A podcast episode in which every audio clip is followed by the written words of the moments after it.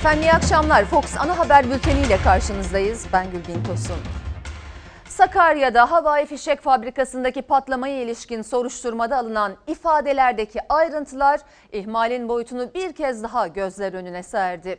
Fabrika sahiplerinden biri de tutuklandı aktaracağız. Bugün 25 kişinin hayatını kaybettiği Çorlu tren kazasının ikinci yıl dönümü. Acılı ailelerin hukuk mücadelesi de iki yıldır devam ediyor. Ayrıntıları ve hayatını kaybedenler için düzenlenen töreni de aktaracağız. Çoklu baro düzenlemesi beklenenden de önce bu akşam itibariyle Meclis Genel Kurulu'nda görüşülmeye başlandı. Neler yaşanıyor? Hepsi ve daha fazlası birazdan ama önce koronavirüste son durum diyoruz.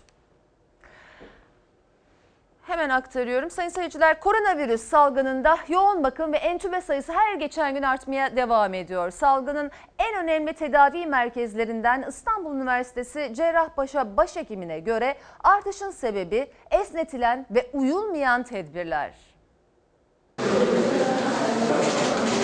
Elbette her gün yeni hasta başvurusu maalesef ki geliyor. Günde yaklaşık bir 400-450 test yapıyoruz ve bu testlerin %7'si %8'i pozitif çıkıyor. Koronavirüs tehlikesi ciddiyetini koruyor. Zaten Sağlık Bakanlığı'nın açıkladığı son tabloda bunun kanıtı. Yoğun bakımdaki hasta sayısı 1152'ye yükseldi. O hastaların 400'ü ise solunum cihazına bağlı. Yani en kritik hastalar. Oysa 1 Haziran'daki normalleşme hasta sayılarına yansımadan önce 11 Haziran'da 266'ya kadar düşmüştü entübe sayısı. Günden güne arttı, alarm veren bir seviyeye ulaştı. Çok dikkatli olmakta fayda var. Lütfen gevşemeyelim. Çağrı salgınla mücadelede dünyaya örnek olan İstanbul Üniversitesi Cerrahpaşa Başhekiminden geldi. Doktor Zekai Kutlubay gevşemeyelim dedi. Çünkü yoğun bakımlardaki doluluk oranı %61'e ulaştı. Yoğun bakım doluluk oranımız bir aydır %59-%61 arasında. Taburcu ettiğimiz hasta kadar yeni hasta yatırıyoruz. Entübasyon içinde durum benzer. Hem entübe hem de yoğun bakıma giren hasta sayısının artması aslında e, bizim kuralları gevşetmemiz, bizim biraz lakayt olmamız, kurallara uymamamız, işte toplu halde hala e, işte maske takmadan bir takım aktivitelerde bulunmamız, e, mesafe kuralına uymama, uymamamız, gerekli hijyeni temizliği göstermememizden dolayı İşte tüm bu nedenlerle yoğun bakımdaki hasta sayısı günlerdir binin üstünde. Doktor Kutlubay'a göre kimse tedbiri elden bırakmamalı. Ama en çok da 65 yaş üstü dikkatli olmalı. Asıl problem burada 65 yaş üstünde. Çünkü ne kadar yaşlı hasta sayısı artarsa çünkü komorbid dediğimiz ekstra hastalıkları oluyor. Ekstra hastalıklardan dolayı bunlar daha çok hastaneye yatma ya da yoğun bakıma girme riski taşıyan hasta grupları oluyorlar. Şehir dışına çıkanlarla salgının merkezi İstanbul'un yükü biraz olsun azalsa da şimdiden Cerrahpaşa olası ikinci dalgaya hazırlanmaya başladı. Cerrahpaşa Hastanesi olarak rezerv kapasitemizi elimizde tutuyoruz. Herhangi bir ikinci dalga olursa eğer e, biz hazırız. Koronavirüs salgınında en çok endişelendiren görüntüler toplu taşıma araçlarında görülüyor. O kalabalıklara Sağlık Bakanı Fahrettin Koca da tepki gösterdi. Yolcularsa İçişleri Bakanlığı'nın %50 kuralını kaldırmasından sonra yaşanan yoğunluktan onlar da şikayetçi ancak çare yok diyorlar.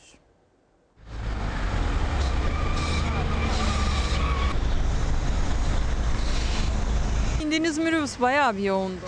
Başka yapacağımız bir şey yok. Kullanmasak olmuyor mu? Kullanmasak neyle geleceğiz? Helikopter mi tutalım? Ne yapalım? Ne edelim yani? Başka çare yok diyerek o tehlikeli yolculuğa devam ediyor toplu taşıma araçlarını kullananlar. Özellikle minibüsler çok kalabalık. Denetimlere rağmen korkutucu görüntüler kaydedilmeye devam ediyor.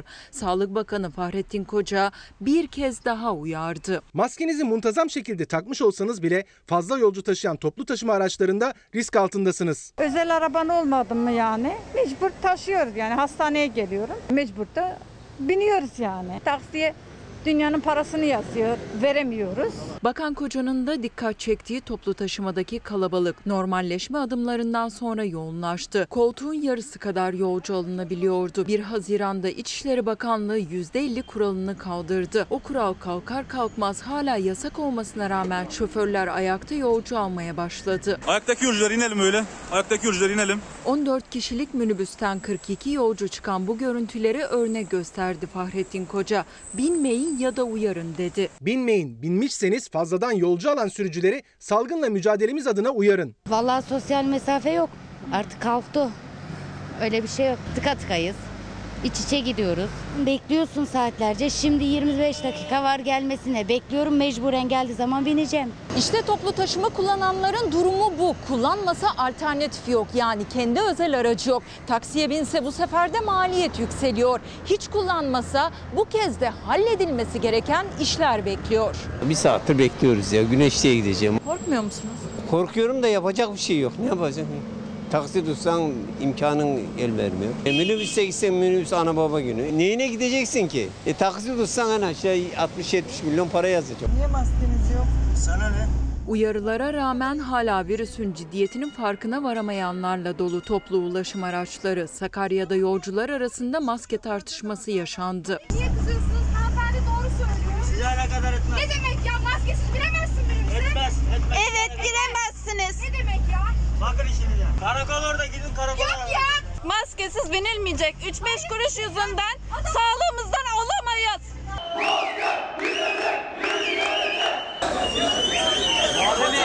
En çok endişe veren görüntülerse asker uğurlamalarında veya düğünlerde kaydediliyor. İstanbul ve Ankara dahil 15 ilde asker uğurlaması yasaklandı. Ancak Bursa'da olduğu gibi hala düğünlerde maske ve mesafe kuralına uyulmuyor. Sayın seyirciler Sakarya Hendek'teki havai fişek fabrikasındaki patlamanın ardından gözaltına alınan iki fabrika sahibinden biri tutuklandı. Aynı zamanda Müsiyat Sakarya Şube Başkanı olan o isimde alınmadığı iddia edilen tedbirlerde hala tartışma konusu. Geçmişte de anlaşılan patlamalar olmuş. Bu tamamen gafletin, tedbirsizliğin, kontrolsüzlüğün bir işareti. Fabrikayı denetlememişler.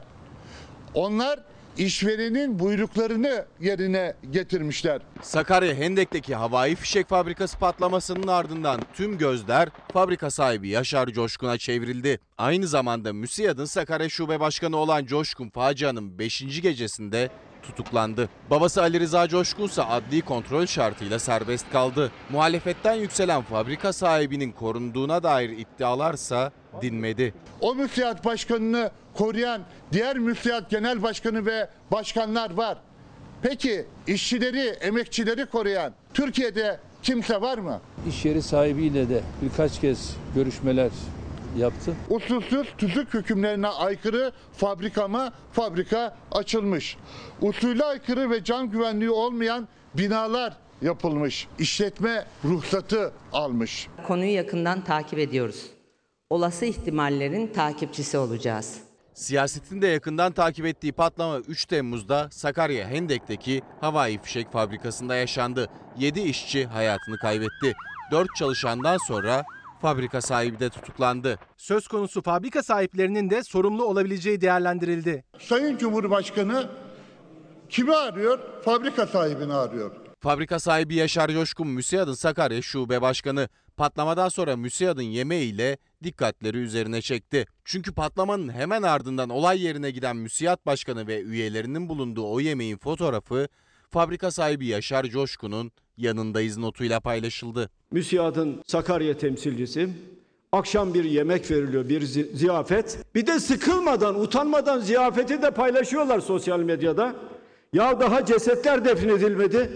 Sizin yediğiniz yemek değil, yediğiniz insan eti biliyor musunuz siz? MÜSİAD'ın sonradan kaldırdığı o fotoğrafa ilişkin açıklama yapan, orada değildim diyen Yaşar Coşkunsa, MÜSİAD Başkanı'nın Cumhurbaşkanı'nın talimatıyla yanına geldiğini anlattı. Cumhurbaşkanımız, Genel Başkanımız Abdurrahman Kağan'ı görevlendirdi ve patlamadan bir saat sonra yanıma geldi. Cenazeler ortada. Bütün yaralılar hastanede. Fabrika sahibi buradan kendisini sanki bir güvence varmış gibi kamuoyuna yansıtıyor. CHP'li Engin Özkoç fabrika sahibinin tutuklandığı faciayı meclis gündemine taşıdı. İçişleri Bakanı, Çalışma Bakanı ve Çevre Şehircilik Bakanı'nın yanıtlaması için soru önergeleri verdi. Tam 7 kez bu fabrikada patlama oldu. 7 kez bu fabrikanın yeri değiştirildi. Ve her seferinde kurallara uygun olmadığı halde bu fabrika tekrar kuruldu. Denetlendi dendiği halde denetleme kurallarına uyulmadı. Kaybedilen hayatlar oldu. Sayın seyirciler sadece fabrika sahibi değil, Sakarya'daki facianın ardından 4 çalışan daha tutuklandı. İfadeler ortaya çıktıkça denetimlere yönelik soru işaretleri de çoğaldı.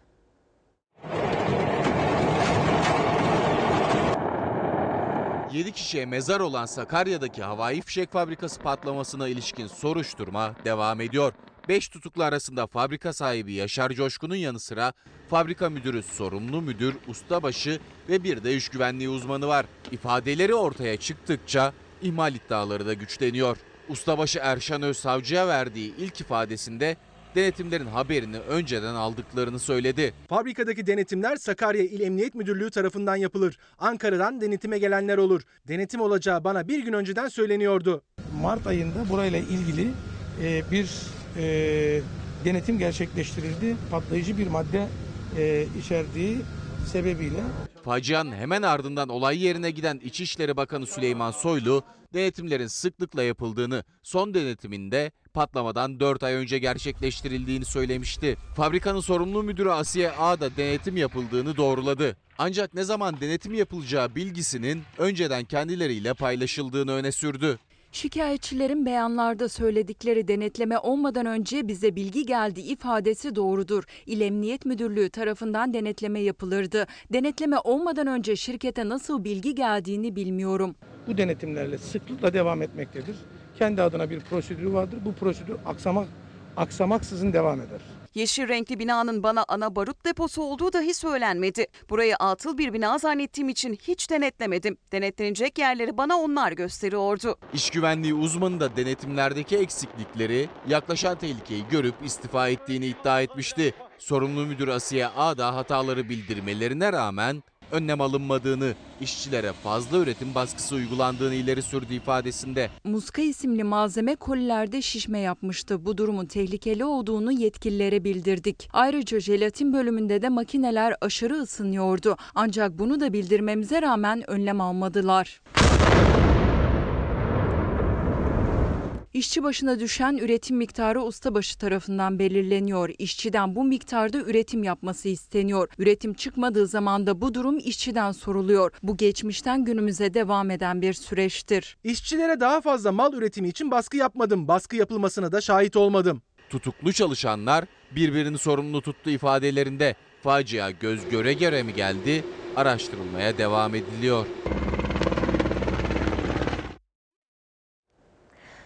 İktidar avukatların ve muhalefetin tüm itirazlarına rağmen çoklu baro yasasını çıkarmakta kararlı. Adalet Komisyonu'nda sert tartışmalar arasında geçen yasanın yarın genel kurula gelmesi bekleniyordu ama AK Parti görüşmeleri bir gün öne çekti. Genel kuruldaki oturum gergin başlarken baro başkanları da bir kez daha Ankara yoluna düştü. Efendim bu kanunda FETÖ'nün ruhu varmış. Hadi oradan diyorum. Bu yasayı kabul edenler deyince kalkan eller, millete karşı kalkan eller orada tekrar kalkacak ve bu yasa geçecek. PKK, FETÖ, benzer kurumlar, kuruluşlar, örgütler tutar baro kurarmış. Kurşunlar. Eğer bu kanunlar çerçevesinde suç işleyen kim varsa zaten bunun bedelini ödeyecek. Çoklu baro düzenlemesinin her anı gerilimli yasa teklifinde ikinci perde açıldı. Genel kurul görüşmeleri perşembe beklenirken AK Parti bir gün öne çekti. Baro başkanları yeniden Ankara yoluna düştü. Sakin olun. Daha çok tartışacağız, konuşacağız. Bırakın da yeni baro kurabilsin diyoruz. Avukatı nasıl sustururuz? Onlar konuşacak. Bir gün siz bu ülkenin adli makamlarının karşısında hesap vereceksiniz.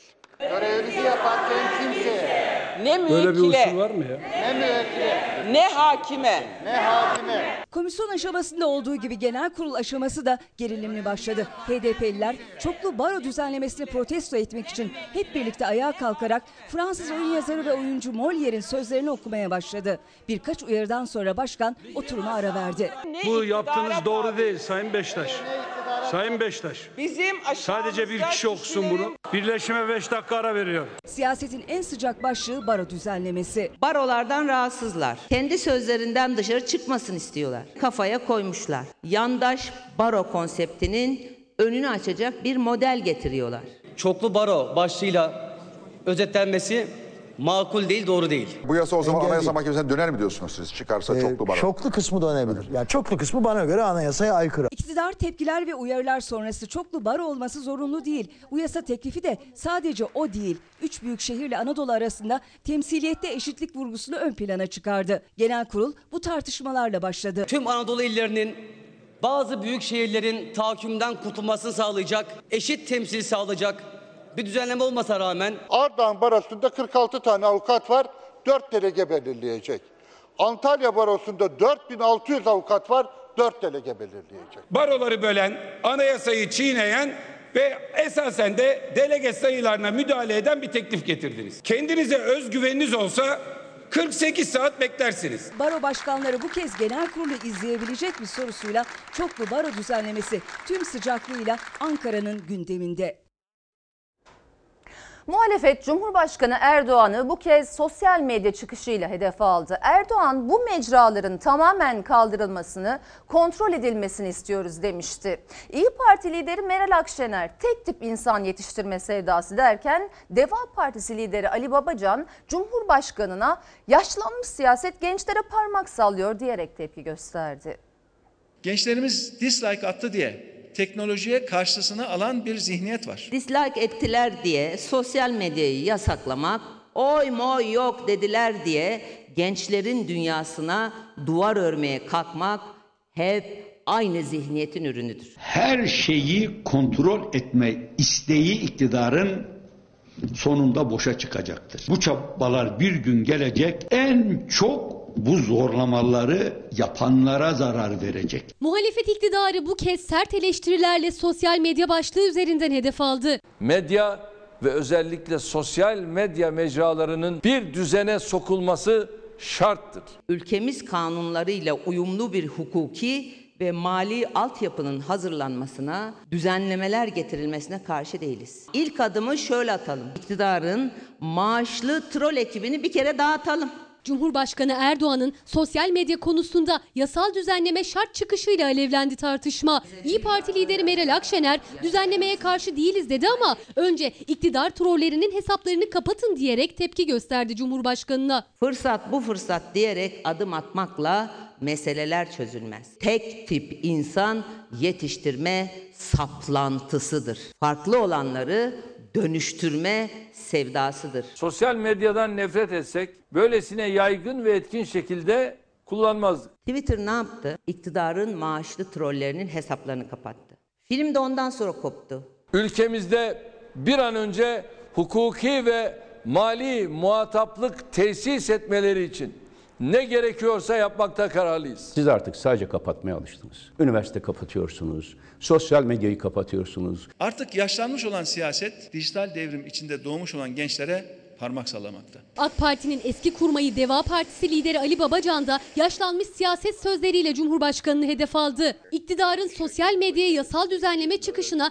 liderlerden tepkiler peş peşe gelirken AK Parti'den çalışmalar devam ediyor sesi yükseldi. Sayın Erdoğan'ı uyarıyorum. Gençlerin önüne örülen hiçbir duvar ayakta kalamamış. çalışmalar, görüşmeler devam ediyor. Bu konu Türkiye'nin bir anlamda kendi egemenliğini göstereceği bir düzenleme olacak. Nasıl ki dünyanın farklı ülkelerinde örneği var, temsilcisi var vesaire. Türkiye'de olsun dediğimizde vay efendim herkesin aynı ithamla bu konuya karşı çıkmasını ibretle izliyorum. Her geçen gün sosyal medyada çirkin ve cinsiyetçi saldırıların hedefi oluyor kadınlar. Başak Demirtaş ve Cumhurbaşkanı Erdoğan'ın kızı Esra Albayrak'a yönelik çirkin ifadeler saldırganların tutuklanmasıyla sonuçlanmıştı. Ancak hemen sonrasında aralarında CHP İstanbul İl Başkanı Canan Kaftancıoğlu'yla e, kadın gazeteci, sanatçı ve avukatlara yönelik paylaşımlar için savcılık ağır eleştiri dedi, takipsizlik kararı verdi. İşte bu karara başta İyi Parti lideri Meral Akşener olmak üzere muhalefetin tepkisi sert oldu. Türkiye'nin önde gelen sanatçıları mahkeme koridorlarında süründürülüyor. Masum gazeteciler tutuklanıp cezaevine konuluyor ama muhalif kadınlara tecavüz tehdidinde bulunan şeref yoksunları takipsizlik alabiliyor. Bu ülkede hukuk yok, adalet yok, hele hele kadınlar için hiç yok derken anlatmaya çalıştığımız şey tam olarak budur. CHP İstanbul İl Başkanı Canan Kaftancıoğlu, oyuncu Berna Laçin, gazeteci Nevşin Mengü, avukat Feyza Altun sosyal medya üzerinden cinsiyetçi ve çirkin saldırılara hedef oldu. Savcılığın bu saldırılara ağır eleştiri diyerek takipsizlik kararı vermesine başta İyi Parti lideri Meral Akşener olmak üzere muhalefet ateş püskürdü. Tek bildikleri nefret ekip öfke biçmek. Ama Sayın Erdoğan'a sorarsanız suçlu Netflix, suçlu Twitter, suçlu YouTube. Çoklu barodan sonra çoklu hukuka geçmiş bulunuyoruz. Sanığa, mağdura, hülasa adamına göre hukuk. AKP'li bir kadına küfrederseniz, hakaret ederseniz hapis yatarsınız. AKP'li olmayan bir kadını tecavüzle bile tehdit edebilirsiniz. Sayın savcılığın şu anda bize söylediği şey budur. Kadınları hedef alan çirkin paylaşımlar ve tartışması HDP'li Selahattin Demirtaş'ın eşi Başak Demirtaş ve Cumhurbaşkanı Erdoğan'ın kızı Esra Albayrak'la başlamış. Hemen ardındansa AK Parti Cumhurbaşkanı Erdoğan'ın talimatıyla sosyal medya düzenlemesi için harekete geçmişti. Akşener'in deyimiyle muhalif kadınlara yapılan saldırılara takipsizlik verilmesi CHP'li vekillerin de tepkisine neden oldu. Şunu da çok merak ediyorum. Sayın Esra Albayrak kadın da Canan Hanım işte Başak Hanım, Feyza, Berna bunlar çam kozalağı mı? Biri çıkıp bana bunun cevabını versin. CHP İstanbul İl Başkanı ve kadın gazeteci, sanatçı, avukat için soruşturmayı tamamlayan savcılık paylaşımı yapan kişi hakkında kovuşturmaya yer olmadığına karar verdi. Suçun unsurlarını oluşturacak eylemin bulunmadığını da belirterek davranışın ağır eleştiri, kaba söz, nezaket dışı hitap tarzı olduğunu belirterek hakaret suçunu oluşturmayacağı savunuldu. Sayın Adalet Bakanı genel başkana laf sokma peşinde beyanlar vereceği yerde bunun bir cevabını versin. Bu adaletsizliğin bir cevabını versin. Bunu bekliyoruz biz kendisinden. Muhalefete göre yargı kadınlara sosyal medyadan cinsiyetçi saldırı konusunda adil kararlar vermiyor, ayrım yapıyor. Gözler iktidar cephesinden gelecek yanıtta. Son olarak Halk TV ve Tele1 kanallarına verdiği kapatma cezalarıyla muhalefetin eleştirilerinin odağına oturan Radyo Televizyon Üst Kurulu bugün de meclis gündemindeydi. HDP'nin Rütük araştırılsın önergesi AK Parti ve MHP oylarıyla reddedildi. Ancak önergenin görüşmeleri sırasında tansiyon yüksekti. 5 gün ekran karartma. En son 25 yıl önce verilmişti bu. 90 bin şikayet dilekçesi var ATV hakkında 90 bin. Halk TV, Tele1 ve Ülke TV'ye de benzer ceza verilmiştir. Öyle ona veriliyor da buna verilmiyor gibi bir şey söz konusu değildir. Bu Halk TV ile Tele, Tele1'e Öcalan'ın kardeş çıksa ne olurdu? Söyle ne olurdu? Ne olurdu? Bak cevap veremiyor. TRT'ye çıkarttılar. İstanbul seçimini alacağız diye. Bu günah da size yeter size. HDP Meclis Genel Kurulu'na Rütük araştırılsın önergesi verdi. CHP ve AK Parti söz düellosuna tutuştu. Genel kurulda gündem Rütük Başkanı ve Rütük'ün aldığı kararlar oldu. Özerk bağımsız bir kurum olarak Cumhurbaşkanının talimatlarını emir telakki ederim diyen bir insan orada bir dakika dahi durma hakkını kaybeder. Kantarın topuzunu kaçırmış bir rütük var. Radyo Televizyon Üst Kurulu Recep Tayyip Erdoğan'ın üst kuruludur. Yeter mi? Yetmez. Paralel rütük. Nerede biliyor musunuz? Sarayda. Dosyalar sarayda hazırlanıyor. Üst kurula geliyor. Uzmanlar sadece imzayı çakıyor. Üst kurul toplantısında değerlendiriliyor. Cumhurbaşkanımızın o kadar hakkına giriyorsunuz ki bu hakkı ödeyemeyeceksiniz siz. Bu hakkı ödeyemeyeceksiniz. Yalanı körükleme timi gibi çalışıyor bunlar. Yağcılıkla sadece milletvekili olur. Başka bir şey olmaz. Tartışma her cümlede daha da alevlendi. Söz Halk TV ve Tele1 televizyonlarına verilen 5 günlük Rütük cezalarına geldi. Bu kanallar neden ceza almış onlara bakalım. Türkiye Libya'da ne iş yapıyor? Mısır'ı karıştıralım, Sudan'ı karıştıralım diyor. Biz oraları karıştırmaya mı gittik? Libya'ya biz barış götürmeye gittik ve Libya'da şu anda savaş yok. Libya diyorsun, şura diyorsun, bura diyorsun.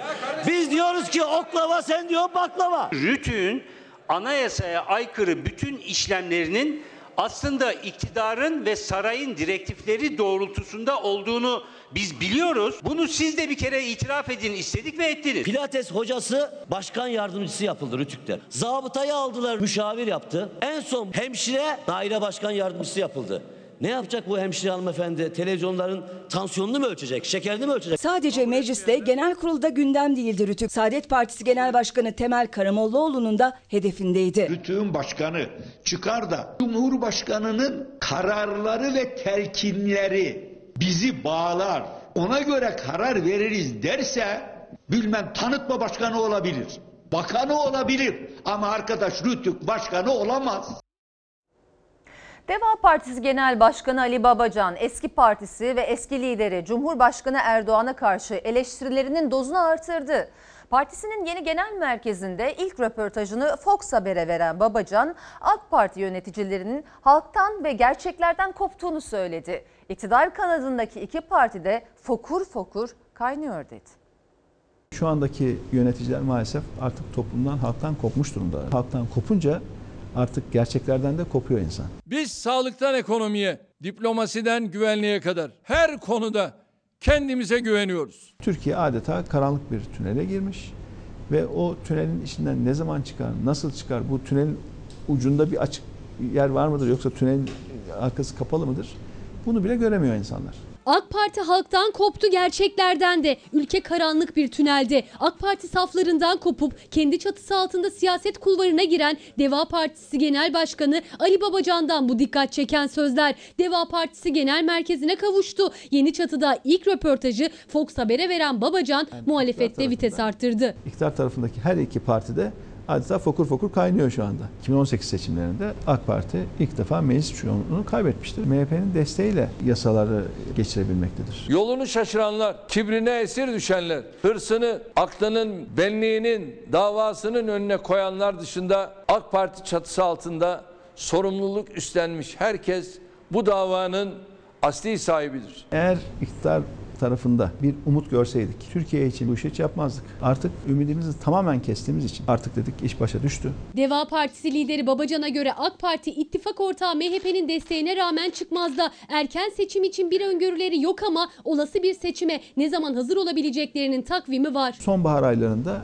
büyük kongremizi yapıp gelecek senenin ilkbahar aylarında yapılabilecek bir seçime hazır hale geleceğiz. Her cümlesinde AK Parti'yi hedef aldı Deva lideri. AK Parti'yi ötekileştirmekle eleştirdi. Şu andaki yöneticilerin zihniyeti tamamen ben ve öteki, biz ve onlar, ben ve karşımdakiler şeklinde olduğu için o şekilde yaklaştığınız hiçbir sorunun çözüme kavuşması mümkün değil. Şu andaki yönetimin en önemli problemi kimseyle konuşamayacak hale geldiler. Nasıl uluslararası arenada konuşacakları bir ülke kalmadıysa, Türkiye içinde de konuşacakları bir sosyal taraf kalmadı. Koronavirüs nedeniyle Türkiye'nin ilk dijital genel merkez açılışını yapan Babacan'ın en önemli çağrısıysa kadınlaraydı. Mütevazi olmayın diyerek siyasete davet etti. Siyaset sadece erkeklere bırakılamayacak kadar ciddi bir iştir. Siyasetin sizin üslubunuza, yaratıcılığınıza, sorun çözme becerilerinize, kucaklayıcılığınıza ve sizin zekanıza ihtiyacı var. Sakın ha mütevazi olmayın gerçek sanırlar. AK Parti hükümetlerinin eski başbakan yardımcısı Deva Partisi Genel Başkanı Ali Babacan 17-25 Aralık dosyasını yeniden açtı. Babacan FETÖ'nün minik bir darbe girişimiydi ama 17-25 Aralık dosyalarının yeniden incelenmesi gerektiğini düşünüyorum dedi. Daha önce de eski Başbakan Ahmet Davutoğlu dört bakanı Yüce Divan'a gitme konusunda ikna etmiştim. Ama Cumhurbaşkanı engelledi çıkışı yapmıştı. Gözler şimdi AK Parti'nin eski yol arkadaşlarına vereceği cevaba çevrildi. 17-25 Aralık dosyalarının da bir noktada tekrar bir incelemesinde de ben fayda görürüm doğrusu. AK Parti'nin eski başbakan yardımcısı Deva Partisi Genel Başkanı Ali Babacan'dan geldi. Yeni bir 17-25 Aralık çıkışı. O dönemdeki yolsuzluk iddiaları ile ilgili dosyalar yeniden açılıp tarafsız bir şekilde incelenmeli dedi. 17-25 Aralık minik bir darbeydi sözleriyle. Yargı ve polis teşkilatına nüfuz etmiş, neredeyse kök salmış bir grubun belli dosyaları uzunca zaman birleştirerek, bekleterek o günkü yerel seçimlere 3 ay kala o günkü hükümeti düşürmek için yapılmış bir minik bir darbe teşebbüsü diyebiliriz. Ali Babacan'ın sözleriyle 17-25 Aralık tartışması raflardan yeniden siyasetin gündemine indi. İndirenler o dönemde bizzat AK Parti'nin içinde olanlar. 2013 yılında AK Partili 4 eski bakan hakkındaki yolsuzluk iddialarıyla başlamıştı tartışma. O dönemde haklarında yolsuzluk iddiaları olan bakanların Yüce Divan'a gitmesi için muhalefetin verdiği önergeler AK Parti oylarıyla mecliste reddedildi. Saati söyledim. Hediye alanda, hediye verende. Zafer Çağlayan, Egemen Bağış, Muammer Güler'i ofisime çağırdım. Yüce Divan'a gitme konusunu açıklamalarında anlaştık. Ertesi gün öğlen oldu, açıklama yapılmadı. Ne olduğunu sordum. Bakanların Tayyip Bey ile görüştüklerini ve onun yapmayın dediğini öğrendim. Dönemin Başbakanı Ahmet Davutoğlu'nun dört bakanı Yüce Divan'a gitme konusunda ikna etmiştim ama Cumhurbaşkanı engelledi çıkışı. Gelecek Partisi Genel Başkanı olduktan sonra geldi yıllar sonra. Bakanların Tayyip Bey ile görüştüklerini ve onun yapmayın dediğini öğrendim. Hemen yanına gittim. Neden böyle yaptığını sordum. önemli kırılma noktalarından biriydi. Ahmet Davutoğlu'ndan sonra dönemin Başbakan Yardımcısı Ali Babacan da 17-25 Aralık dosyasını açtı. FETÖ'nün darbe girişimiydi ama o dönemde siyasetin ve Türkiye'nin gündemine oturan yolsuzluk dosyalarıyla ilgili de yeniden incelenmesinde fayda görürüm çıkışı dikkat çekti. O günkü şartlarda, o günkü iddiaların tarafsız ve bağımsız bir şekilde bir noktada gözden geçirmesinde e, fayda var diye düşünüyorum. Bugün gerçeği görüp ayrılan ve gerçeklerin araştırılması ile ilgili konuşan her arkadaşa destek vermeye devam edeceğiz. Ama keşke keşke demeden destek vermeye devam edebilseydik. Muhalefet dönemin iki önemli isminin yaptığı çıkışları geç bulsa da dosyaların yeniden incelenmesi talebine destek veririz dedi. AK Parti kanadındansa henüz Babacan'ın çıkışına yanıt yok. Şimdi araya gidiyoruz ama ardından haberlerle yeniden karşınızda olacağız. Yeniden merhaba Fox Ana Haber devam ediyor. İktidarın ekonomide çizdiği olumlu tablo muhalefetin tepkisini çekti. Deva Partisi Genel Başkanı Ali Babacan'a göre Türkiye orta direk tuzağından fakirlik tuzağına düşmekle karşı karşıya. İyi Parti Genel Başkanı Meral Akşener ise ekonomi için yeni bir slogan üretti. Tek akıl, tek damat, tek adam dedi. Saadet Partisi lideri Temel Karamollaoğlu da dost acı söyler diyerek iktidara çarşıya pazara inmelerini tavsiye etti. Türkiye'nin yaşanan gerçek bir refah kaybı var. Türkiye fakirleşiyor. Eğer acilen doğru ekonomi politikaları uygulanmazsa Türkiye bir fakirlik tuzağına düşer. Sayın Cumhurbaşkanımızın liderliğinde pandemi döneminin ekonomik zorluklarının üstesinden de geleceğiz. İki senelik enflasyon yüzde otuz olmuş. Gıda fiyatlarındaki artışsa ortalama tam yüzde otuz beş. Tek akıl, tek damat, tek adam. Muhalefette gündem ekonomi. Hedefte de Cumhurbaşkanı Erdoğan ve ekonominin patronu Hazine ve Maliye Bakanı Berat Albayrak var. Muhalefet hem uyardı hem eleştirdi. Damat bey ve kayınpederine önerim ekonomik çöküntüyü türlü yalanlar üreterek savunmayı artık bir zahmet bırakmalarıdır. İstedikleri kadar enflasyon düşük diye açıklasınlar. Toplam çalışan sayısı 2 yılda 3 milyon 600 bin kişi düştü. Ne açıklanırsa açıklansın. Bunun kıymeti yok çünkü gerçekleri değiştirmiyor. Ekonomik problemler bir felakete gidişi gösteriyor. Pazara herhalde çıkmıyorlar. Cumhurbaşkanının pazara çıkıp da patates domates alacağını zannetmiyorum. Herkes şikayetçi. İktidarın ekonomik gidişat için çizdiği iyimser tablonun aksine muhalefette kim konuşsa hangi ekonomik veriye değinse gidişat kötü dedi. İşsizlikten enflasyona gıda fiyatlarından büyüme rakamlarına İyi Parti'nin kürsüsünde emekli ve EYT'liler de ses verdi. Emeklilerin yüzde yetmişi asgari ücret altında maaş almaktalar. Türkiye'nin ekonomik bir krize gireceğini söyleyenler, böylesi bir krize siyasi yatırım yapanlar pandemi dönemindeki performansımızla hüsrana uğradı ve uğramaya inşallah devam edecek. Milyonlarca vatandaşı yoksulluk ve açlık sınırının altında yaşayan bir ülkenin ekonomisi nasıl oluyor da uçan ekonomi oluyor? Uçmak için epeyce bir çaba sarf ediyorlar da ne kanatlar işe yarıyor ne bacaklar. Halimiz perişan. Dost acı söyler diyoruz. Yalakalar acıyı söyleyemez. Duyun artık sesimizi, görün artık çaresizliğimizi ve Allah aşkına bitirin bu mağduriyeti diye haykırıyoruz.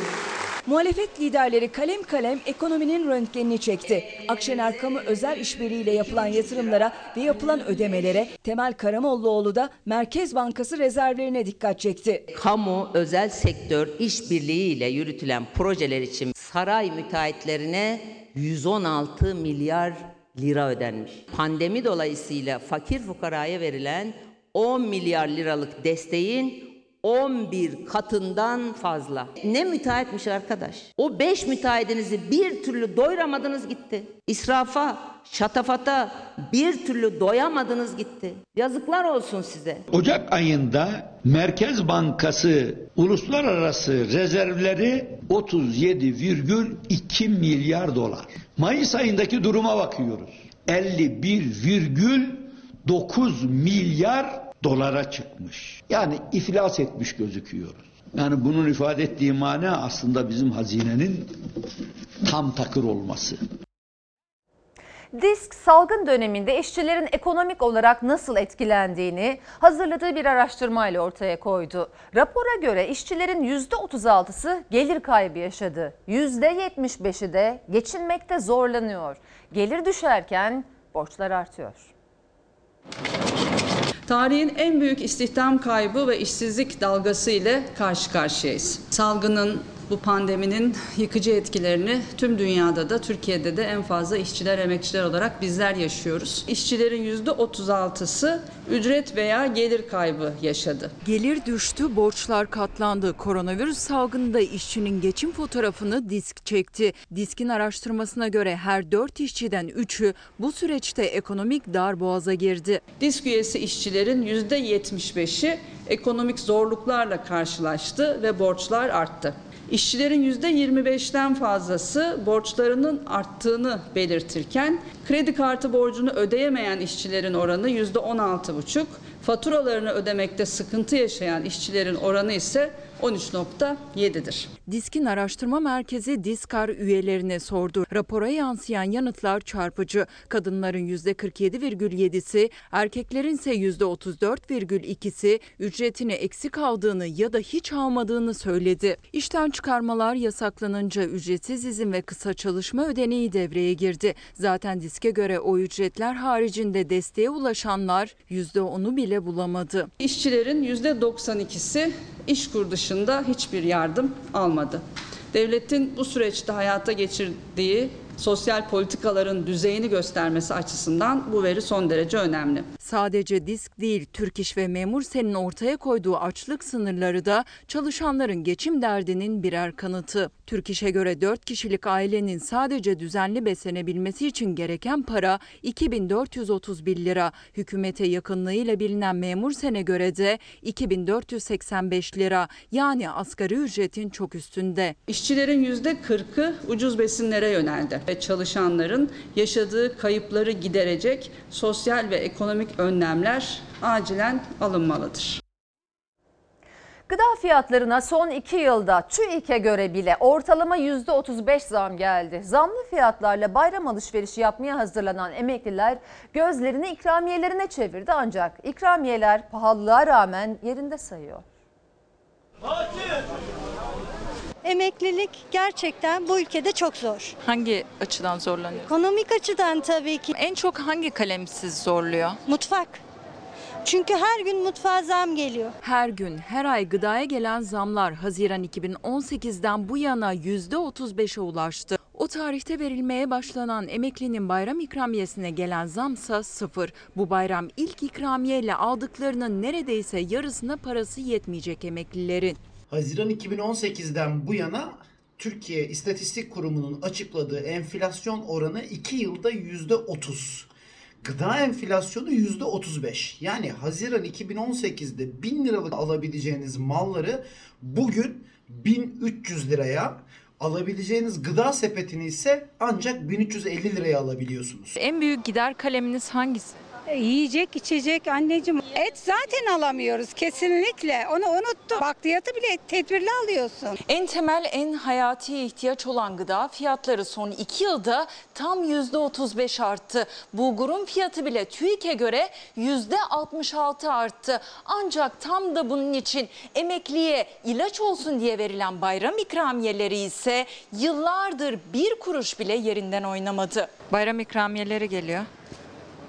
1000 lira.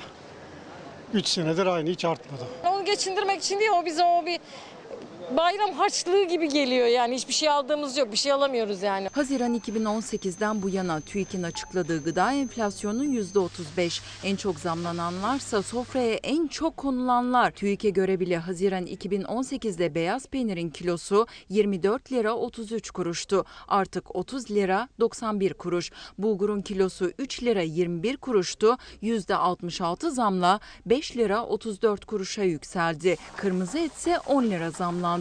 Üstelik bu fiyatları pazarda markette bulabilmek zor. Bu ay aldığım, denkleştirdiğim bir dahaki aya aynı miktarı alamıyorum aynı fiyata. Makarna bile 4-5 liraya makarna oldu.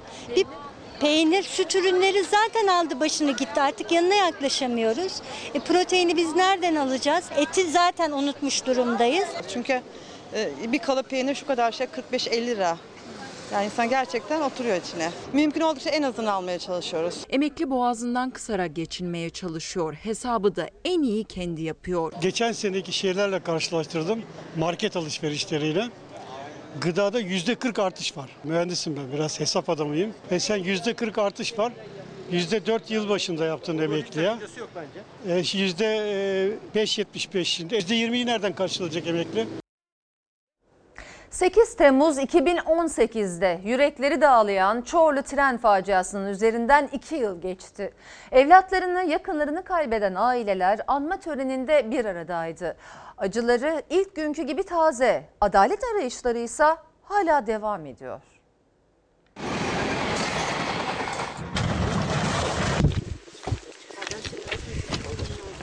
Benim kızım üniversitede olacaktı. Oğuzlar da ortaokulda olacaktı. Ee, Özge Nur bir matematik öğretmeni olarak bugün öğrencilerine ders verecekti. Bizim geleceğimizi çaldınız. Bu saatlerde oğlumun sesini duyuyordum. Diyordu ki anneciğim saat yedi buçukta İstanbul'da olacağım. Beni karşılar mısın? Onlar hala bekliyorlar. Hem hiç gelmeyecek yakınlarını hem de adaleti. Onlar en güvenilir bildikleri demir yollarına emanet ettikleri 25 canı kaybeden aileler. Çorlu tren faciasının ikinci yıl dönümünde yitirdiklerini andılar. 8 Temmuz 2018'de Çorlu'da yüzlerce kişiyi taşıyan tren altı boşalan bir menfezde raydan çıktı. 25 kişi yaşamını yitirdi. Çocuğunu, annesini, babasını kaybedenlerin acısı ilk günkü gibi taze ama o kara günün üstünden tam iki yıl geçti. 25 can bize bir daha geri gelmeyecek. Ee, hiçbir zaman gelmeyecek. Ama biz istiyoruz ki bir daha başka ailelerin canı yanmasın.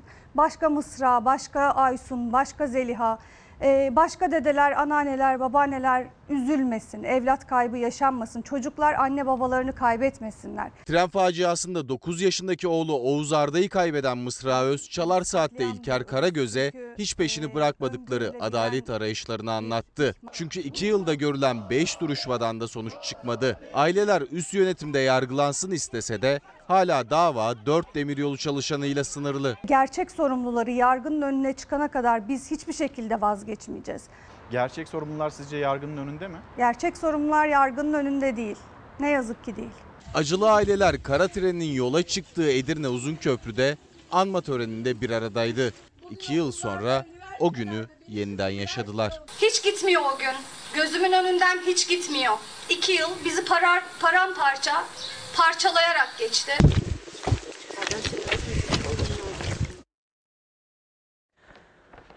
Efendim e, bugüne ait koronavirüs tablosu şu anda yayınlandı. Hemen sizlerle paylaşalım. Bugünkü test sayısı 49.302, vaka sayısı 1041. Düne göre ufak bir düşüş var. Bugünkü vefat sayısı 22. Düne göre yükseliş var. Bugün iyileşen hasta sayımız 2219 olmuş. Hemen aktarmış olduk hızlıca. Süremiz dar. Bir büyük haberimiz e, bir haberimiz daha var. Önemli onu aktaralım. Bir garip ceza getireceğiz ekranlarınıza. Çekirdek çitleme yasağı geldi. İstanbul Üsküdar Belediye Başkanı sahilde çekirdek çitleyenlere ceza kesileceğini açıkladı. Denetimler de anında başladı.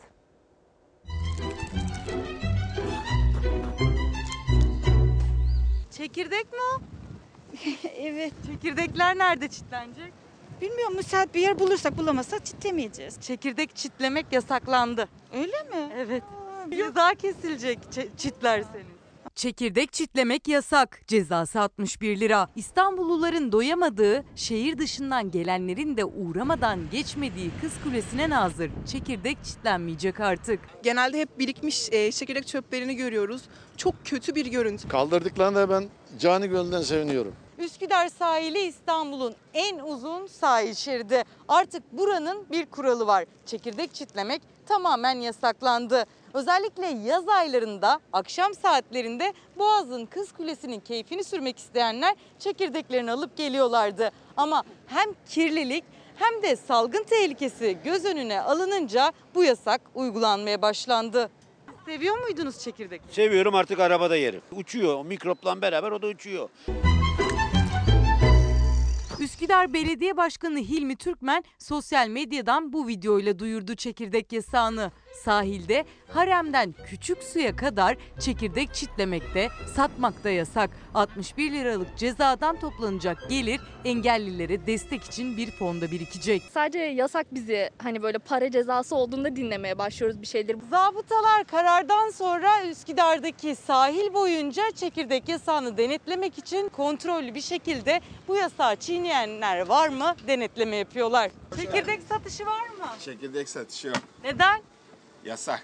Üsküdar sahilindeki birçok büfede aslında düne kadar çekirdek satışı vardı ama karardan sonra çekirdekler raflardan kaldırıldı. Zaten büfeciler de çevre kirliliği yüzünden çekirdek satışlarına karşı. Çevremizin temiz olması, insanlarımızın temiz hizmet alması esnaf olarak bizi sevindiriyor. Yaklaşık bir günde 200-300 kişi gelip burada çekirdek soruyor. 6 senedir aynı yerde çekirdek satan Özgür Altay ise karardan pek memnun olmadı. Çitlemenin değil yere atmanın yasaklanmasından yana. Biz poşetimizi veriyoruz. Ama zabıtalar da yani gelip bence yere atanlara ceza kesmesi daha makbul, daha iyi olur yani. O konuda biraz yanlış. Efendim Fox Ana Haber Bülteni'ni burada noktalıyoruz. Fox'tayın Sen Çal Kapımı isimli yeni dizimizin ilk bölümüyle devam edecek. İyi bir akşam geçirmenizi diliyoruz. Hoşçakalın. dostuma her köşe